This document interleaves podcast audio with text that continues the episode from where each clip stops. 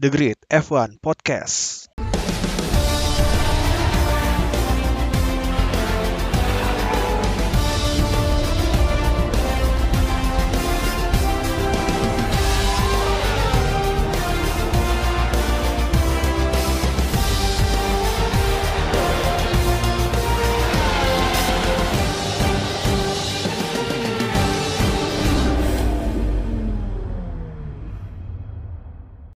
Welcome to The Great F1 Podcast bersama gua Rama dan juga eh, yang menemani gua di episode kali ini yaitu ada Enrico. Gimana kabarnya kok? Baik, baik, baik. Lu juga baik kan, Ram? Sip, aman terkendali bos. Aman, aman. Oke, di episode pertama season pertama ini dari The Great F1 Podcast kita akan ngebahas preview balapan F1 Russian Grand Prix 2021.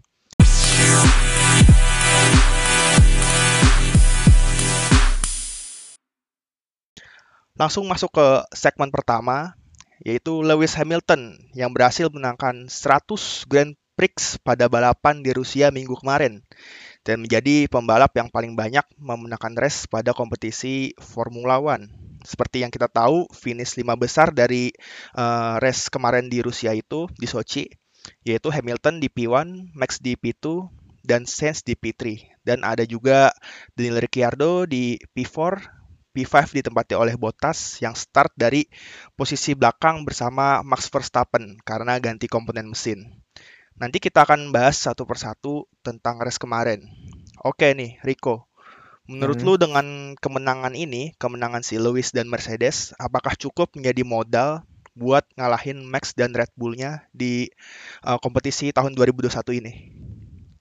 Nah, eh, kalau menurut pendapat gue nih ya, eh, ini agak-agak sengit sih. Soalnya Mercedes dan Red Bull ini udah mendominasi beberapa season ya di Iya, F1 itu betul, sendiri. Dan mereka sendiri tuh bener-bener eh, dengan inovasi di mobilnya dan strateginya yang dipakai di race maupun qualifying dan sebagainya itu bener-bener tuh kayak membawa tim tersebut di tempatnya sekarang.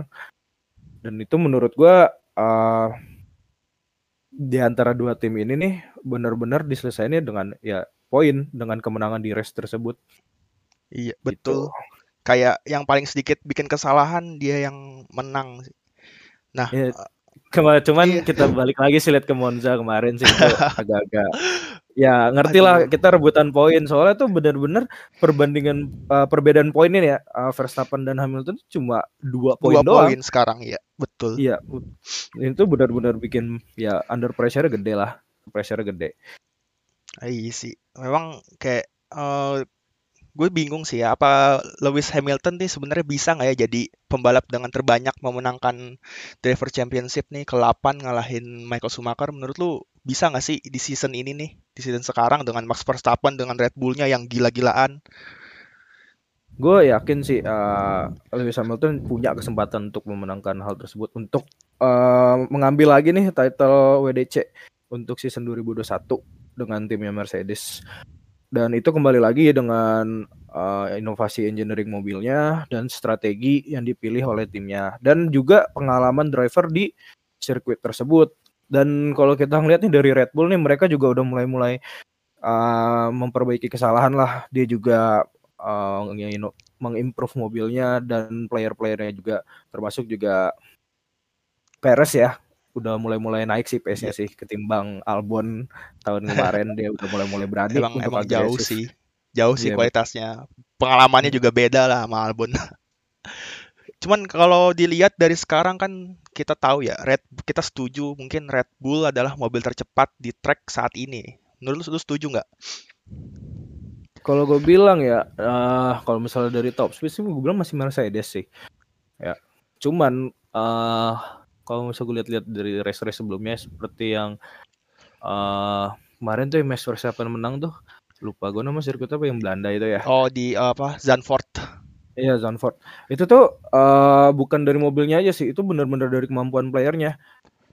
Dan gue bilang Max Verstappen nyip nyiptain gap sejauh itu sampai bikin Lewis Hamilton aja kewalahan buat Iya uh, betul betul. nentuin pace-nya kayak gimana. Itu benar-benar gila itu kemarin. Dan dan kema dan juga eh, si Max itu pakai ban hard ya, si Lewis pakai ban medium dan nggak kekejar juga. Nggak kekejar sama sekali. Dan Ta- itu benar-benar kayak nih ada nih satu orang nih bisa ngambil title WDC lu sekarang dan lu pasti kayak uh, harus ngerubah gitu pola thinking lu, terus strategi uh -huh. lu di setiap corner, apex DL kayak gitu. Itu benar-benar under pressure parah sih. Iya, tapi uh, karena menurut gue mungkin uh, menurut gue ya, uh, hmm. kalau Red Bull itu kayaknya mobil tercepat di track saat ini ya. Nah, itu tuh menurut gue juga didukung sama uh, skillnya si, si Max Verstappen juga gitu. Nah, tapi kalau misalkan kita lihat Perez kan kadang dia out of dari top 5 uh, dan juga mungkin dari empat balap empat lima balapan terakhir dia udah nggak podium lagi kan si Perez. Nah, mm, yeah. menurut uh, menurut lu ini uh, si Perez ini sebenarnya dia masih adaptasi atau emang udah skillnya dia segitu aja? Uh, kalau misalnya lihat skill ya, balik lagi ke Racing Point di 2020. Itu tuh benar-benar tuh Perez nunjukin skill aslinya, benar-benar tuh dari akhir grid sampai ke P1 itu benar-benar pure skill gitu. Dan mobilnya oh. juga membantu si Racing Point karena emang disebutkan pink Mercedes ya. Iya. Terus habis itu Mercedes. juga kita nggak tahu nih ini tim order apa enggak. Uh, Perez uh, bisa nentuin agresivitasnya gitu loh. Maksudnya bisa agresif bisa kayak nahan. Nih udahlah kita defensif aja. Terus buat Max Verstappen di depan. Soalnya kan emang ini kan WDC-nya itu pertarungan Verstappen sama Hamilton benar-benar ketat. Jadi benar-benar iya. harus jadi tim player si iya, iya Perez iya, ini ya sama kayak Botas lah yang benar-benar tim player buat Iya, gue yakin udah stres itu ya. yakin banget. Oke nih, kalau ngomongin race di Sochi kemarin nih, kita tahu kan ya, 6 lap terakhir emang gila banget, dramatis segila banget. Tiba-tiba hujan kan, hujan turun dan semua driver semua pada ke pit dan itu ngubah seluruh eh, jalannya race dan makan korban. Kali ini korbannya yaitu Lando Norris nih. Dia tuh gambling parah ya. Uh, dengan memutuskan untuk tetap stay di Ban Hart Begitupun Lewis Hamilton yang memutuskan untuk di ban hard sampai sebelumnya ganti ke ban Inter. Nah, menurut lu dengan gamblingnya Lando Norris ini uh, salah siapa sih? Entah Landonya atau timnya? Eh sebenarnya sih dari awal mulai-mulai hujan juga udah diberitahu ya sama tim ya untuk mengubah sat, uh, strategi kayak lu masuk pit nih kita ganti ke intermediate soalnya uh. hujan bentar lagi nyampe kita udah ngeliat di radar bla bla bla cuman Norris tuh kayak uh, terpressure sama Hamilton yang ngejar pace-nya itu makin dekat dan itu pace itu benar-benar stabil di satu terus tiba-tiba turun uh, di bawah nol terus naik lagi. Itu benar-benar tuh dia ngincer P1 cuman nggak bisa berpikir cepat karena lapnya tinggal sedikit. Kalau gue pikir ya dia mem, uh, salah memperkirakan hujan itu uh, turun. Maksudnya tuh dia paling mikir ya menurut gue nih rintik-rintik uh, biasa abis itu mulai sedang terus langsung ke hard atau hujan lebat kayak gitu. Nah dia kira tuh itu masih lama dan dia memilih untuk stay out dari pit. Ya mungkin menurut dia kayak ah ini rintik-rintiknya mungkin pas hujan deras dia udah finish kali ya mungkin dia pikirnya gitu. Iya dipikir begitu. dan dan ini juga ngaruh ke Hamilton karena Hamilton sebenarnya tuh udah di tim order buat ganti ban Inter tapi dia memutuskan untuk stay karena Lando masih stay ya kan? Sampai ya betul. Uh -uh, sampai di tim radio pun si Lando juga bilang beberapa kali dia bilang no no nggak mau nggak mau. Nah sampai disuruh diam iya sampai disuruh sampai disuruh dan gue lihat juga nih kan Hamilton juga ngikutin permainannya Norris. Cuman dengan pengalamannya di track dia udah ngeliat nih wah ini udah lebat nih mau mau lebat gitu loh. Udah memberikan iya, waktu. betul, akhirnya betul. dia masuk ke pit ganti intermediate. Dengan pace 50 detik itu dikejar bener-bener cepet banget itu iya iya. Dan, dan apa namanya uh, di sini ketahuan banget ya pengalaman itu penting banget. Lando Norris dengan Lewis Hamilton yang tujuh kali World Driver Championship dan di sini tuh mulai mulai, ter, mulai terbukti pengalaman itu. Emang tuh uh, eh, gue bilang sih ya dari tahun 2001 ya dia masuk kan 2001 juga Hamilton dan menang championship awal itu 2008. Gue yakin sih pengalaman ini tuh udah banyak sih. Jam terbangnya tuh udah benar-benar tinggi dibandingkan sama Norris yang baru masuk eh, tiga uh, tahun ya kalau nggak salah. Iya. Dia masih harus belajar, masih harus menyesuaikan strateginya dia, uh, memikirkan segala situasi yang akan terjadi di track walaupun itu siang bolong kalau misalnya emang di radar terlihat atau dikasih tahu sama tim baik kayak gimana dia bisa menentukan lah uh, keputusan yang diambil harusnya seperti itu sih. Oke kalau misalkan uh, kita tahu di apa namanya buat kayak misalkan kita berandai-andai lah, andaikan uh, di Sochi itu nggak hujan. Menurut lu apakah si Lando Norris ini bisa uh, tetap P1 atau justru nanti bakal di overtake sama si Hamilton? Sebenarnya gini sih, kalau emang sebenarnya awalnya nih uh, Hamilton yang batu, terus habis itu Norris menerima uh, strategi dari timnya, dia ganti intermediate dan uh, Lewis tetap maju gitu kan. Dan dia bakal bisa tetap ngejar dan kemungkinan menang tuh besar sebenarnya. Itu juga kemarin udah terbukti dari ya uh, Hamilton ngepit terus Norris tetap lanjut. Dia itu benar-benar udah hilang grip sedangkan Hamilton ya udah dia tinggal mikirin nih uh, seberapa cepat sih gue harus uh, nyampe dia gitu dan seberapa aman gitu gue ngerasa nanti di jalan dengan kecepatan tersebut. Itu benar-benar udah dipikirin. Gak kan kalau tadi gue bahas kan kalau andai kan gak hujan ya. Jadi kita tahu kayak uh, lap terakhir pas kering itu tuh kayak udah mau di ya, overtake kan sama si Hamilton kalau semisal emang uh, benar-benar kering ya sampai akhir, gue bilang kita bakal punya race yang apa ya seru gitu loh. Cuman uh, ngelihat dari Hamilton dengan gigihnya mempertahankan pace-nya dia, interval waktunya dengan Norris, gue bilang sih Hamilton bisa nge-overtake. Jadi iya. pinter-pinteran si Norris aja untuk ngedefend uh, posisinya itu. Nah, masalahnya uh, masalahnya di F1 kan sekarang ada DRS ya. Jadi kalau misalkan yeah. ranking satu itu nggak dapat DRS dan si Hamilton karena dia di belakangnya Norris dan jaraknya juga udah 0,2 detik, 0,2 detik pokoknya udah dekat banget lah. Jadi dia dapat DRS. Nah menurutku sih kayaknya sih tetap kekejar-kekejar juga sih.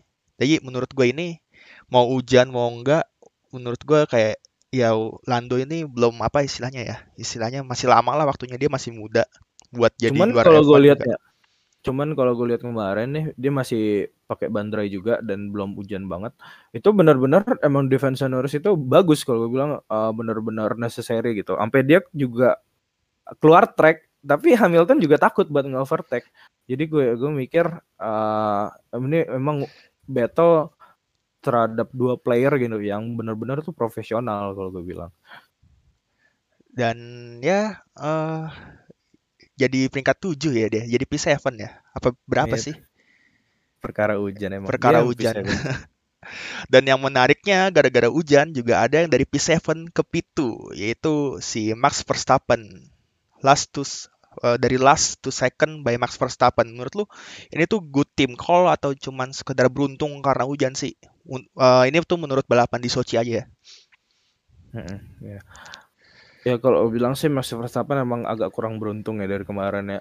Uh, cuman ya peraturannya harus diikuti gitu. Dia ganti power unit, lu dapat penalti, ya udah lu terima. Nggak apa-apa mulai dari belakang itu yang ngebuat race seru sih sebenarnya. Awal-awal juga gue mikir kayak Verstappen stay di P7 karena emang berat banget buat nge-overtake uh, lawan-lawan yang lain oh. kan. Cuman pas hujan turun, dia ganti intermediate kayak gue lihat gampang banget nge-overtake nya tiba-tiba di P2 aja. Kita nggak ada yang nyadar iya, kalau dia udah udah naik. Soalnya kita terlalu fokus ke Norris sama Hamilton. Iya iya dan dan emang siarannya pun siarannya pun broadcastingnya pun lagi battle antara Norris dan Hamilton. Iya betul. Gak pernah betul. Uh, nyorot Max Verstappen sama sekali. Dan bahkan uh, ketika itu jaraknya 40 detik ya kalau nggak salah ya dari P2 ke P3 apa P3 ke P4 gitu.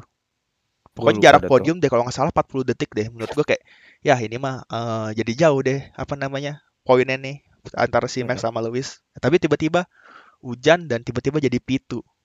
Nah ini sebenarnya menurut gue kayaknya good team call deh. Lu setuju gak sama gue? Kalau good team call sih gue bilang sih ya. Cuman gue lihat lagi dari kemarin ya. Itu kenapa di Sochi itu banyak banget slow pit stop kalau gue bilang. Iya. Nah itu agak-agak aneh sih menurut gue sih di benak gue tuh kenapa baik banget slow pit stop di Sochi. Mungkin nggak tahu sih ya udara ngaruh atau enggak ya dingin karena dingin jadi kayak nutnya itu susah dicabut. ya nggak tahu juga sih mungkin faktornya banyak ya. Kayak gue juga ngelik gue juga ngelihat biasanya Red Bull tuh di bawah dua detik kan ya bahkan biasanya ya. Iya. Dan ini uh, dia sebenarnya uh, konsisten sih di 24 2,4 lah. Iya, dua setengah ke bawah lah ya. Dan iya. kemarin pun kayak tiga detik, tiga detik. Dan bahkan Ferrari pun 4 4,8 detik. Kalau lihat Leclerc sampai kehilangan posisi kan banyak banget. Leclerc Ricciardo apa? sih. Ricardo ya. Yang, uh, itu tuh yang agak-agak parah sih. Pit sampai kemarin tuh lemot banget 4,8 kok. Oh, gue gak maksud gue Ricciardo deng, bukan Leclerc deng. Maksud gue McLaren. Dan itu ngerugin banyak sih.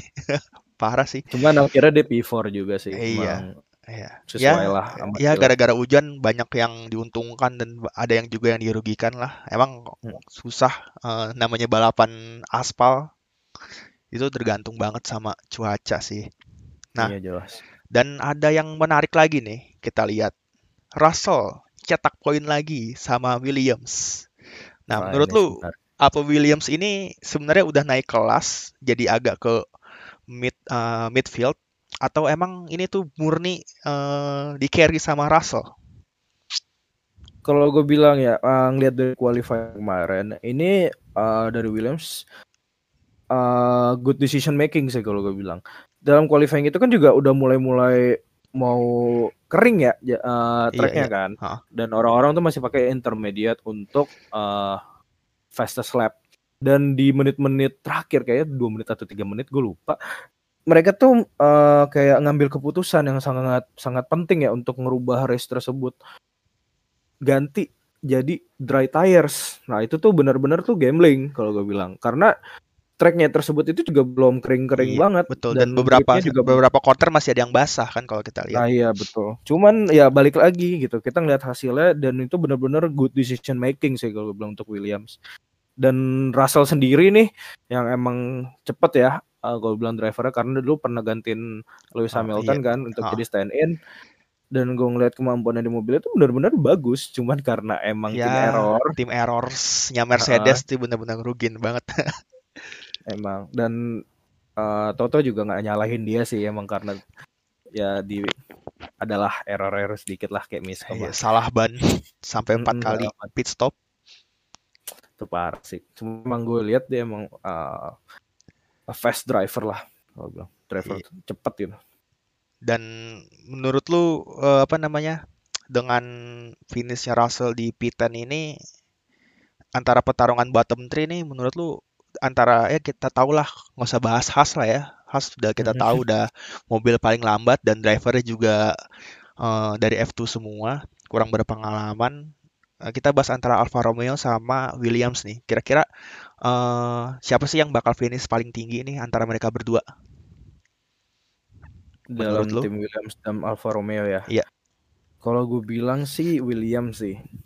Soalnya dari beberapa race juga Russell dapat podium juga kemarin kan uh -uh. Uh, dengan Williams juga yang pas di race hujan dan uh, good driver line up sih kecuali King Latifi mungkin yang nggak tahu sih dia kekurangannya di mana cuman emang disukain banyak fans.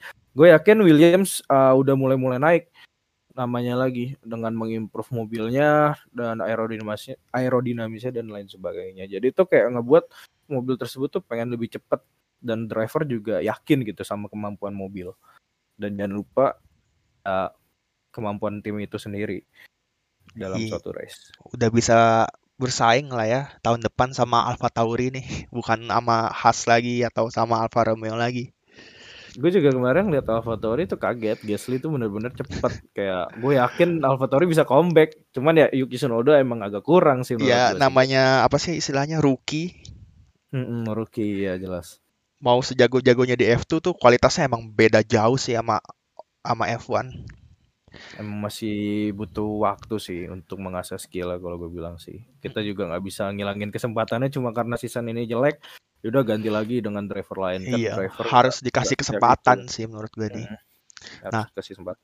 Kalau kita tahu nih Alpha Tauri nih emang suka ngejutkan banget ya kayak uh, tiba-tiba finish di P4 kalau buat qualifying ya tiba-tiba P4 kadang P3 malah pernah P3 kan nah mm -hmm menurut tapi pas stressnya itu kok nggak kelihatan. Jadi nah, iya. menurut lu kenapa sih apa nih yang dialamin Alfa Tauri nih dengan mobilnya ini? Kalau gue bilang sih ya uh, awal tuh ada masalah kalau nggak salah tuh kayak karena itu nggak punya grip. Mobilnya nggak punya grip terus pelan di strike line.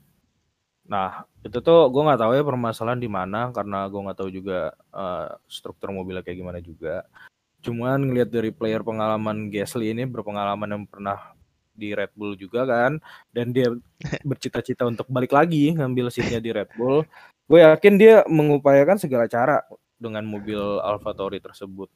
Jadi kayak ngebuat uh, mobil AlphaTauri ini bisa bersaing dengan yang lain dengan si Gasly ini. Karena emang qualifying kemarin tuh benar-benar bikin gue kaget sih gue kira bakal uh, failure lagi kan engine-nya nggak bisa nyala atau suspensinya rusak lagi. Nah kita kan nggak tahu. Jadi balik lagi sih dengan kemampuan driver buat ya untuk menghandle mobil tersebut. Mobil yang udah dibuat oleh engineers engineers di tim-tim di F1 dan dia juga pernah di Red Bull setengah musim ya? Setengah musim apa semusim ya? Setengah musim ya? Kayaknya nggak sampai musim habis sih. Iya setengah musim habis itu diganti sama Albon kan ya? Waktu itu di ya, Toro Rosso. Nah menurut gue sih kayaknya kalau si Gasly di uh, Red Bull menurut gue kayaknya dia pressure deh. Kenapa dia nggak kayak nggak perform gitu loh. Sedangkan di Toro Rosso sempat ini kan podium dan pas di Alfa Tauri ini sempat eh, ini kan sempat juara satu win race di Monza hmm. tahun lalu. Ya, nah, betul. jadi kayak menurut gua di Alfa Tauri ini tuh ini tuh dia kayak nggak ada pressure gitu. Jadi dia mau misalkan finish di luar poin pun ya nggak masalah mobil Alfa Tauri. Terus kalau kayak dia finish uh, podium gitu katakanlah.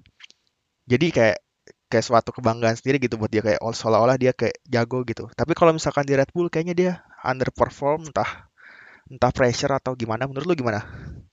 Ya, gue bilang sih pressure di Red Bull tuh gede karena dia juga uh, termasuk salah satu tim yang uh, agak-agak mendominasi F1 ya beberapa tahun ke belakang terus Mercedes datang mereka kayak merasa gue harus ngambil tempat gue yang dulu gue tempatin tempat semula yang gue tempatin jadi itu benar-benar Red Bull nge-pressure seluruh drivernya untuk ya menciptakan pace yang cepat dan konsisten dan gue nggak ngerasa nggak semua driver bisa uh, untuk hal tersebut karena emang uh, ngelihat lagi kan dari sisi keamanannya resiko yang tinggi juga kan kita juga ngelihat uh, Grosjean tabrakan Grosjean itu benar-benar oh. ngebikin trauma hampir seluruh player. Iya betul sih. Dan di Bahrain ya kalau nggak salah itu. Iya Bahrain.